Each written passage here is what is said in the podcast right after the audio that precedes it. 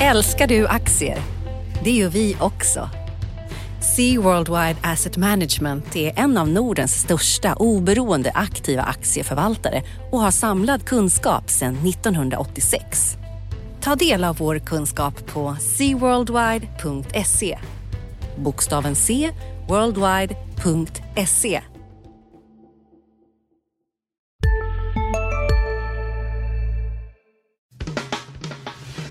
Analyspodden från Dagens Industri. Hej och välkommen till Analyspodden.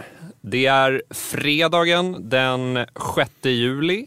Jag heter Johan Wendel, jag är analytiker och reporter på Dagens Industri. Med mig i studion har jag min kollega Magnus Dagel. Välkommen! Hej Johan!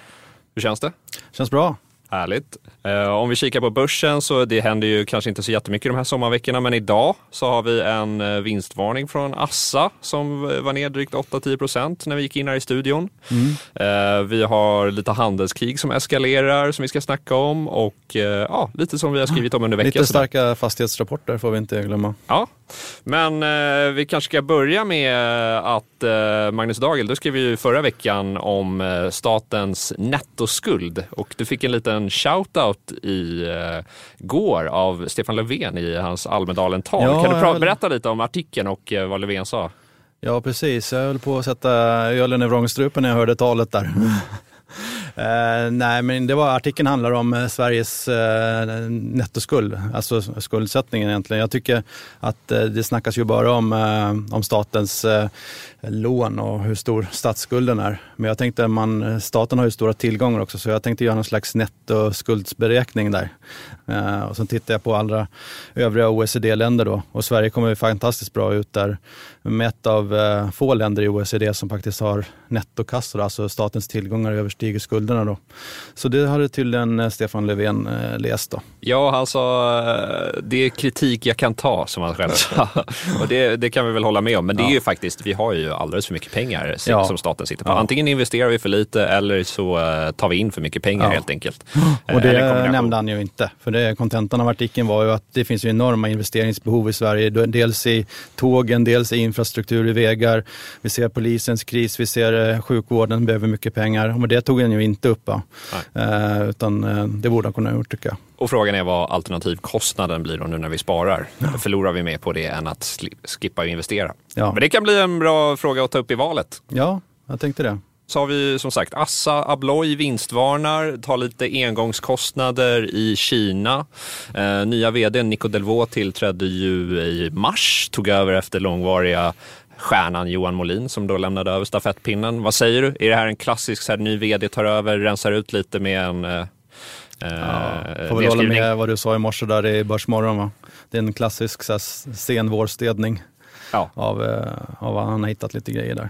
Och sen så när vi såg kursreaktioner, de startade ju en eh, telefonkonferens klockan nio och eh, initialt var ju Assa, Assas kurs ner där eh, 10-11 procent. Fallet hade ju mildrats lite när vi gick in i den här studion och då var det ner ungefär 8 procent. Så att man får ju hoppas att han, eh, vi, vi ska erkänna att vi har inte hunnit lyssna på den här telefonkonferensen så vi ska inte spekulera för mycket men det ver- verkar ju som att fallet har mildrats i alla fall lite. Ja, det känns väl som en liten överreaktion ändå kan jag tycka. Ja. Med 8% ner på en nedskrivning. Va? Ja. Sen var ju organiska tillväxten var ju lite sämre än analytikerna hade väntat. Men, men vi får se vad som händer. Vår kollega Micke Wilenius håller på att grotta ner sig i siffrorna och eh, prata med vd och sådär. Men eh, vad säger... Men tror du, eh, är det starten på en vinstvarningssäsong där eller? Ja, vi får väl se. Är förväntningarna för högt ställda? Jag vet inte faktiskt. Eh, Hittills har det varit ganska få vinstvarningar, i, min liksom, uppfattning, eh, i år. Vad, vad är din åsikt? Nej, jag vet inte. I Sverige så brukar ju inte bolagen vinstvarna så mycket generellt. De ger ju inte prognoser, detaljerade prognoser som i USA till exempel. Där ger de väldigt detaljerade prognoser på vinsten per aktie och så vidare. Så där är det ju vinstvarningar mycket mer frekvent än vad det är i Stockholm. Ja, och själv tycker jag ju det är ganska bra, eh, hälsosamt. Att det här med kvartalsprognoserna kan ju vara lite kortsikt, eh, ge upphov till lite kortsiktigt tänk och sådär. Men eh, vad heter eh, vi har ju ett handelskrig som börjar eskalera lite här med Trump, Kina och eh, EU i olika ringhörnor. Kan det här bli liksom eh, droppen som får bägaren att rinna över och ta slut på den här långa börsuppgången? Ja, jag funderar på det. Det brukar alltid vara något sånt oväntat som händer efter en lång börsuppgång som knäcker börsen. Och just handelskrig hade man ju inte räknat med för ett år sedan eller två år sedan. Det var liksom helt uteslutet. Så det skulle kunna vara någonting som får börsen att ändra riktning. Eh, men samtidigt så måste man ju ändå säga att värderingarna generellt på börsen är ganska låga kan jag tycka på många sektorer. Så det borde ju hindra en, en, en större nedgång.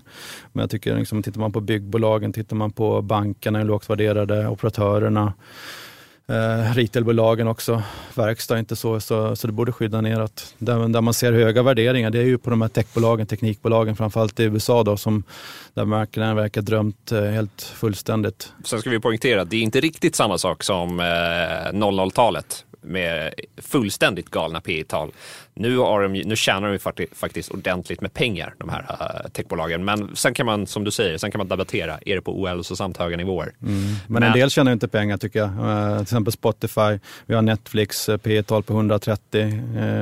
ja, helt galna förväntningar kan jag tycka. Där. Om det, och det skrev jag en artikel om för, vad blir det, två veckor sedan knappt. Ja. Å, å andra sidan, typ, sådana som Google, Facebook alltså, mm. har ju fantastiska affärsmodeller. Ja. Eh, sen kan man debattera om det är bra att eh, de har monopol mm. eh, i, i, praktiken, men det är fantastiska affärsmodeller och marginaler ja. de har. Alltså. Väldigt skalbara också, ja. till skillnad mot eh, Netflix kan jag tycka och även Spotify. Ja, vi, vi, får se. Alltså det som jag är orolig för vad, vad, gäller, alltså vi har en allmän nedtrappning av konjunkturen globalt. Vi har haft den här synkroniserade uppgången.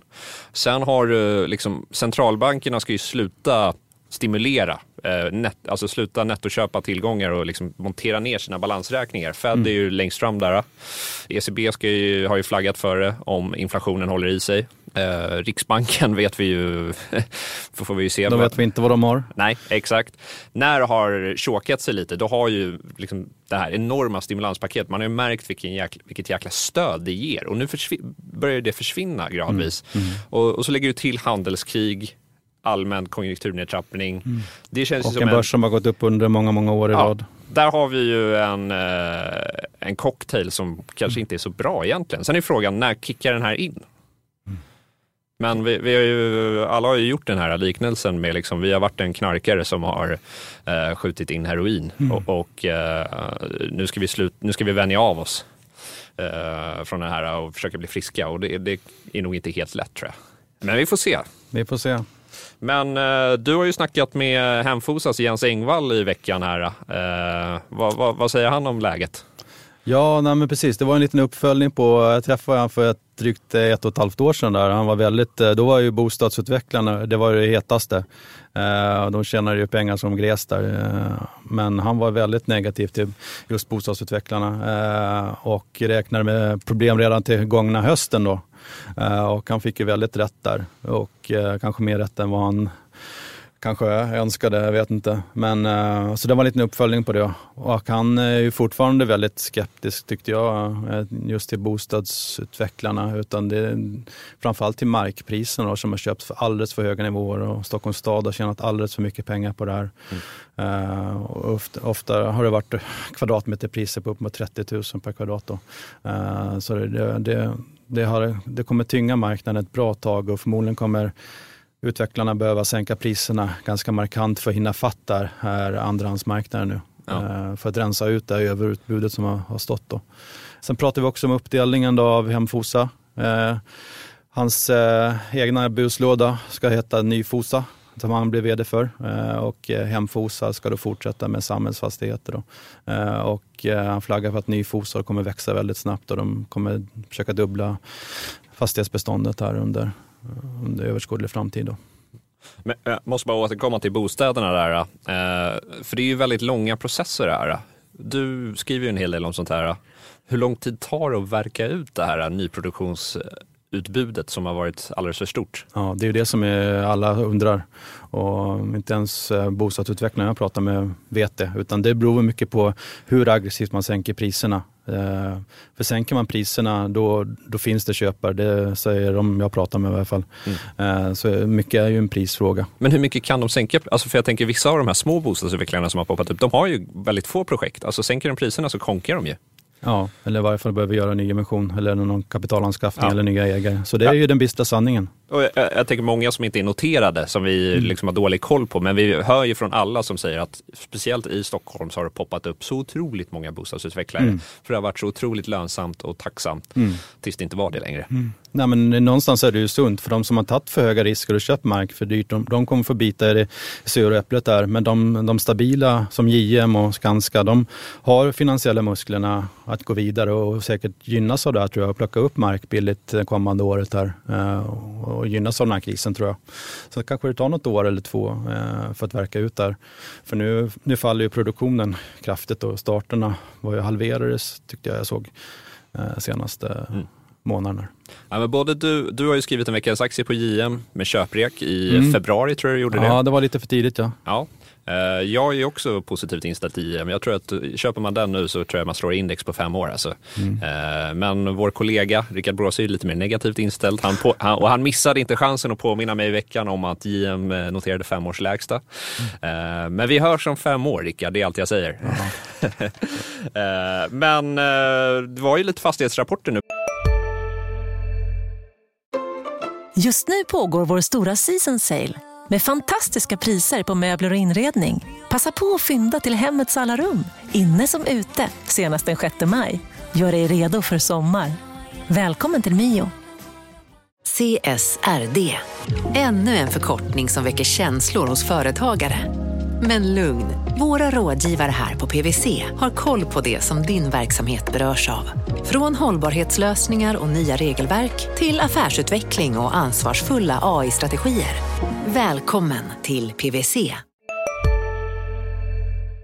på morgonkvisten här eh, på fredagen med Diös och Fabege. Och Fabege var ju upp 4% när vi gick in i studion.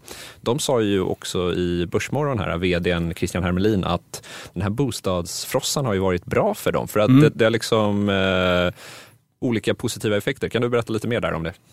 Nej, men eh, ofta så klumpar alla ihop eh, bostadsutvecklare och fastighet så man ser det som en klump och det kan, kan man inte göra mer fel för det är helt diametralt olika marknader. Bostäder, så utvecklarna har det väldigt tufft, fastigheter, kommersiella fastigheter går väldigt bra, inklusive hyresfastigheter. Då. Och eh, allra bäst går ju Stockholm, det ser man ju. Det, har man sett på internationella konferenser också. Det är samma tendens där. Stockholm, Paris, London är väldigt starkt tryck på. Eh, institutioner ska ha de här fastigheterna. Man ser det nästan som det nya guldet. Lite som ett cementguld faktiskt, av någon, eh, av någon anledning.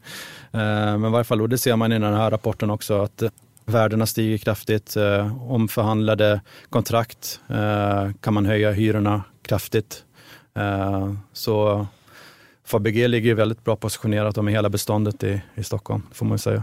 För jag såg att eh, Christian Hermelin eh, sa det också, att det, var ju, det här krisen har gjort att bygginflationen har kommit ner lite, så att eh, Mm. lugnat ner sig lite. Det gör det lättare för dem också. Ja, ja, det man har sett de senaste två åren det är att det byggts väldigt lite kontor för att bostadsutvecklarna har sugit upp alla hantverkare då. Och det har byggt bostäder för, all, för hela slanten. Men, men nu börjar det ju lätta och då kan man börja, bygga lite mera kontor igen. Ja. Så det är nog bara bra.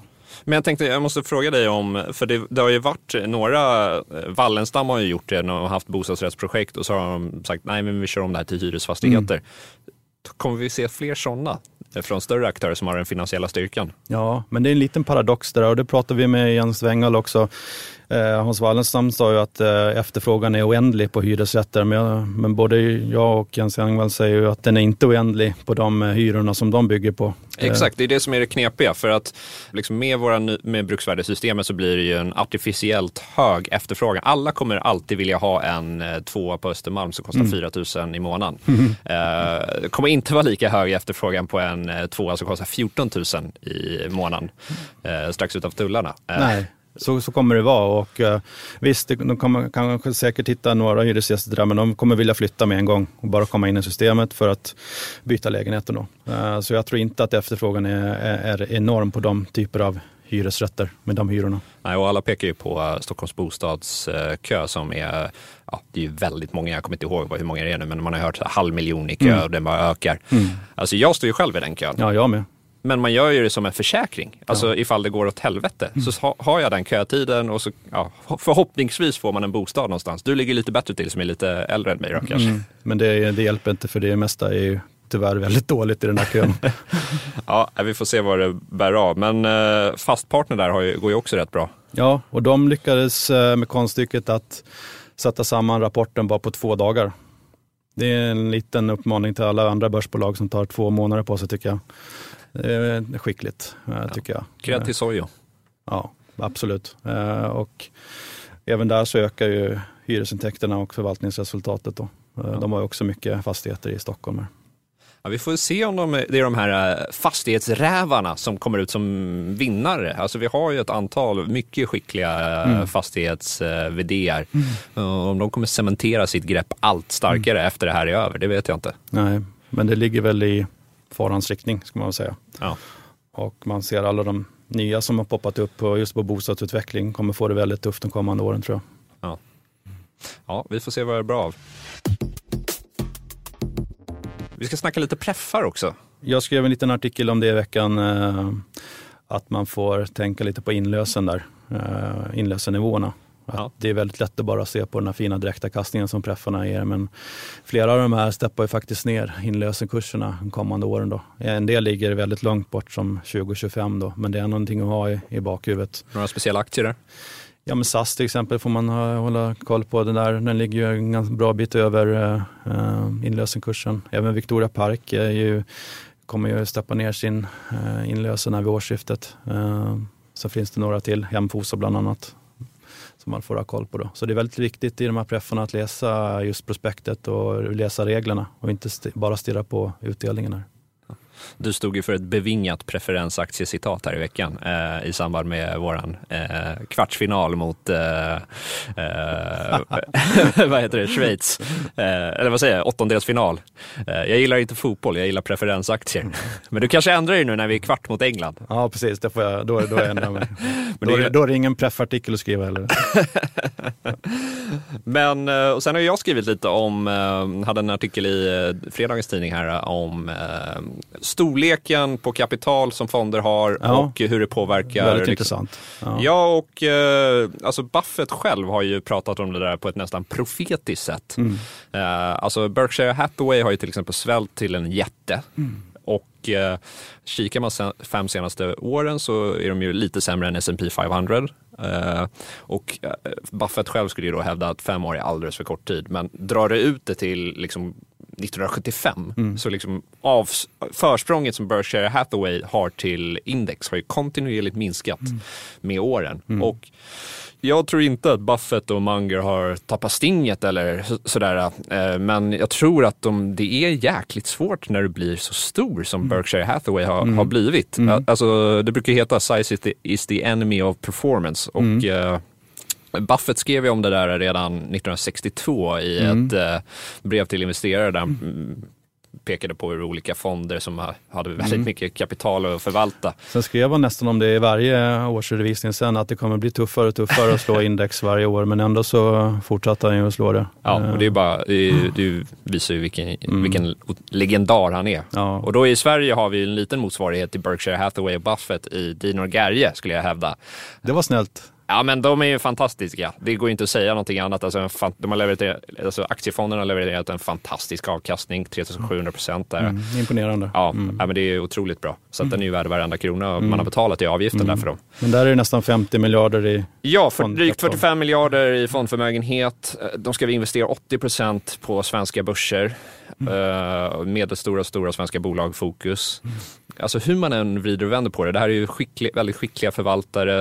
Eh, men det gör ju att de, de liksom förvaltar ju med ett, ett litet handikapp jämfört med en, en person som rattar 500 miljoner, om vi ja. säger så. Mm. Eh, de måste ju jobba hårdare och vara ännu skickligare än alla ja. andra för att mm. det ska eh, liksom märkas. Mm.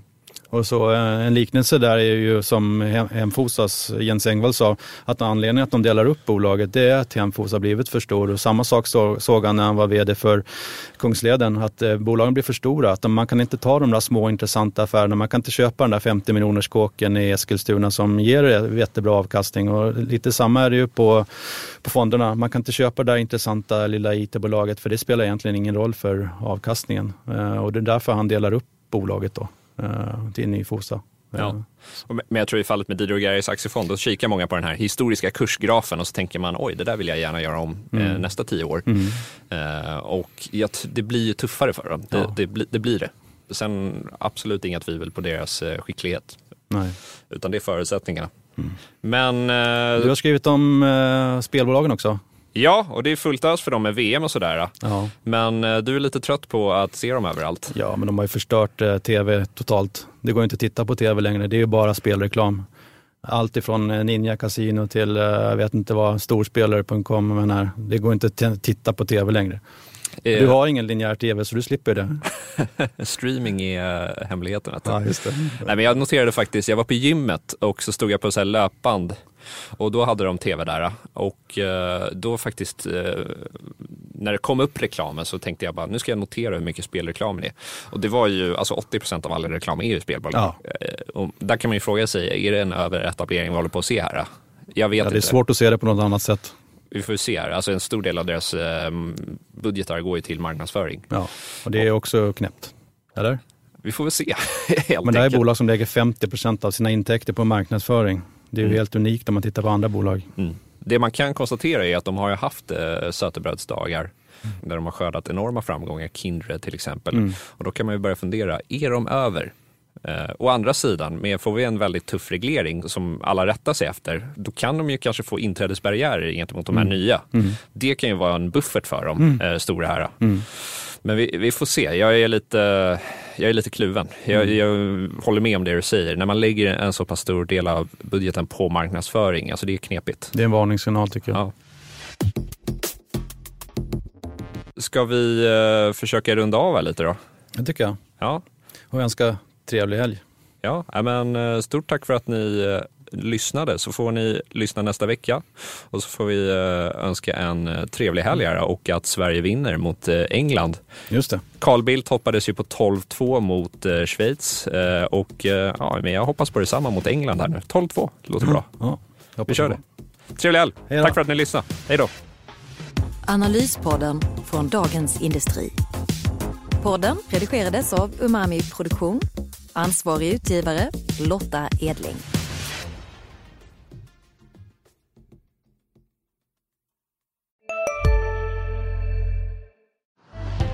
Älskar du aktier? Det gör vi också. Sea Worldwide Asset Management är en av Nordens största oberoende aktiva aktieförvaltare och har samlad kunskap sedan 1986. Ta del av vår kunskap på seaworldwide.se.